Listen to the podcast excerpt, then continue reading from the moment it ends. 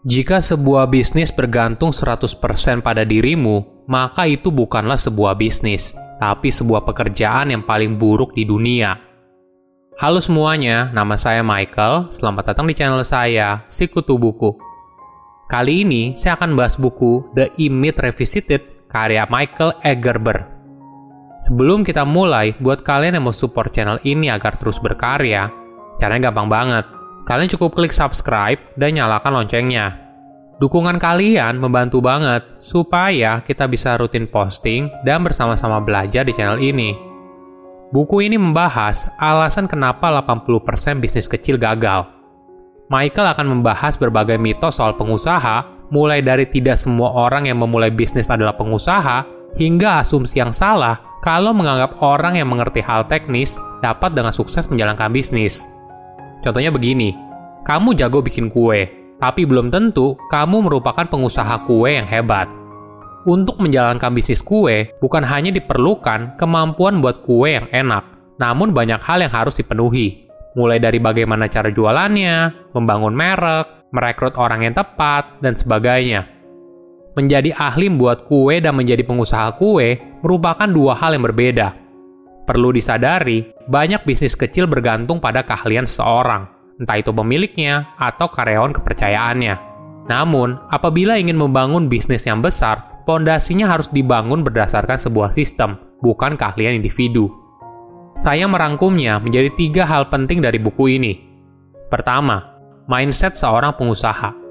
Apakah kamu tahu kalau sebuah bisnis kecil yang dijalankan 40% gagal di tahun pertama dan 80% sisanya gagal di lima tahun pertama. Kegagalan bisnis kecil karena ada pemikiran yang kurang tepat soal bisnis. Kebanyakan orang memulai bisnis karena mereka memiliki keahlian dasar di satu bidang tertentu, entah itu mencukur rambut, memasak, membuat kue, menyeduh kopi, dan sebagainya. Awalnya, mungkin mereka bekerja sebagai karyawan dari orang lain dengan keahlian teknisnya. Namun suatu hari, mereka punya ide memutuskan untuk keluar dan mendirikan bisnisnya sendiri. Contoh sederhananya seperti ini. Jika kamu adalah seorang barista dan menguasai cara membuat kopi yang enak, lalu tiba-tiba kamu punya ide untuk membuat kafe sendiri, hanya berdasarkan pengalaman sebagai barista. Itu merupakan awalan yang salah. Seorang yang ahli dalam buat kopi beda dengan orang yang mampu menjalankan sebuah kafe. Ada banyak hal yang harus dipenuhi untuk membuat sebuah kafe yang ramai dan menghasilkan keuntungan yang baik bukan hanya keahlian dalam buat kopi semata. Ada fakta yang menarik.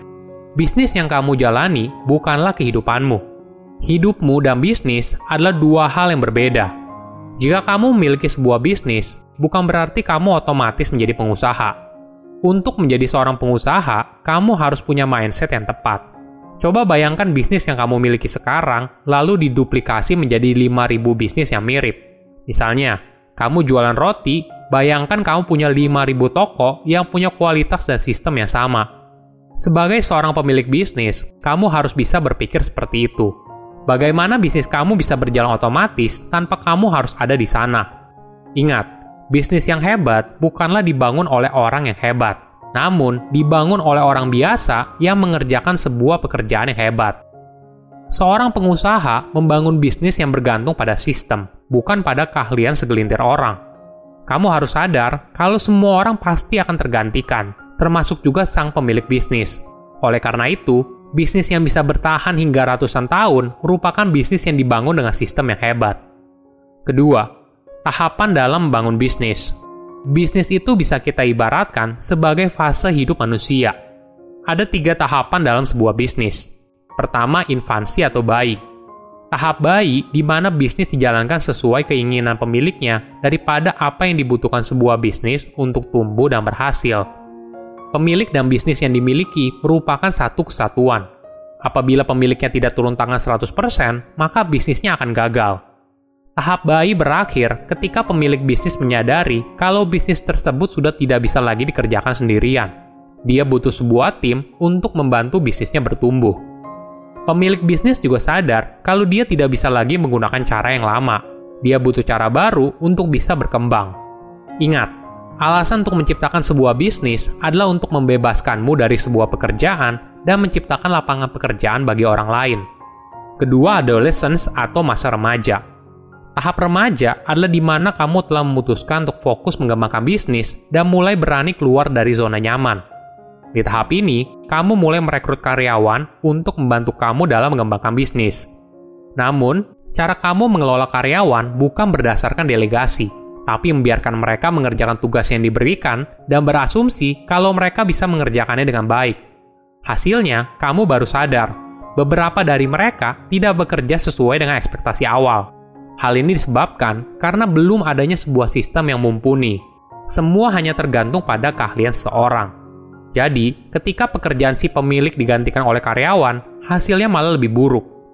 Banyak bisnis gagal di masa remaja dan kembali ke tahapan bayi atau malah terjebak di tahap remaja. Pemilik bisnis perlu membangun fondasi bisnis yang kuat agar bisnisnya bisa berkembang dan naik ke fase berikutnya. Ketiga, maturity atau masa dewasa. Fase dewasa berarti bisnis yang kamu jalankan sudah memiliki visi dan tujuan yang jelas. Di fase ini, kamu sudah punya sistem yang jelas. Pemilik fokus menjadi pengusaha dalam menjalankan bisnis dengan mempekerjakan manajer untuk mengikuti visi perusahaan dan mengelola teknisi yang melakukan pekerjaan. Jadi, sebuah bisnis yang dewasa bisa berjalan dengan baik tanpa perlu campur tangan 100% dari pemiliknya. Inilah tujuan sebuah bisnis dibangun, Bagaimana caranya bisnis ini bisa berkembang bukan karena kamu, tapi tanpa kamu, bisnis ini bisa berjalan dengan baik. Ketiga, tiga tipe kepribadian pengusaha. Dalam menjalankan sebuah bisnis, setiap orang punya tiga kepribadian di dalam dirinya, entah itu sebagai entrepreneur, manager, dan technician. Entrepreneur adalah kepribadian kita yang hidup di masa depan mereka melihat dunia sebagai peluang tanpa batas dan selalu berusaha menciptakan hal yang baru. Inilah yang membuat mereka menjadi pemimpi dan visioner. Di sisi lain, energi dan keinginannya untuk selalu mengejar peluang membuat kekacauan bagi orang di sekitarnya. Kedua adalah manajer. Manajer adalah kepribadian kita yang hidup di masa lalu. Mereka menginginkan adanya keteraturan, terencana, dan melakukan segala hal yang praktis.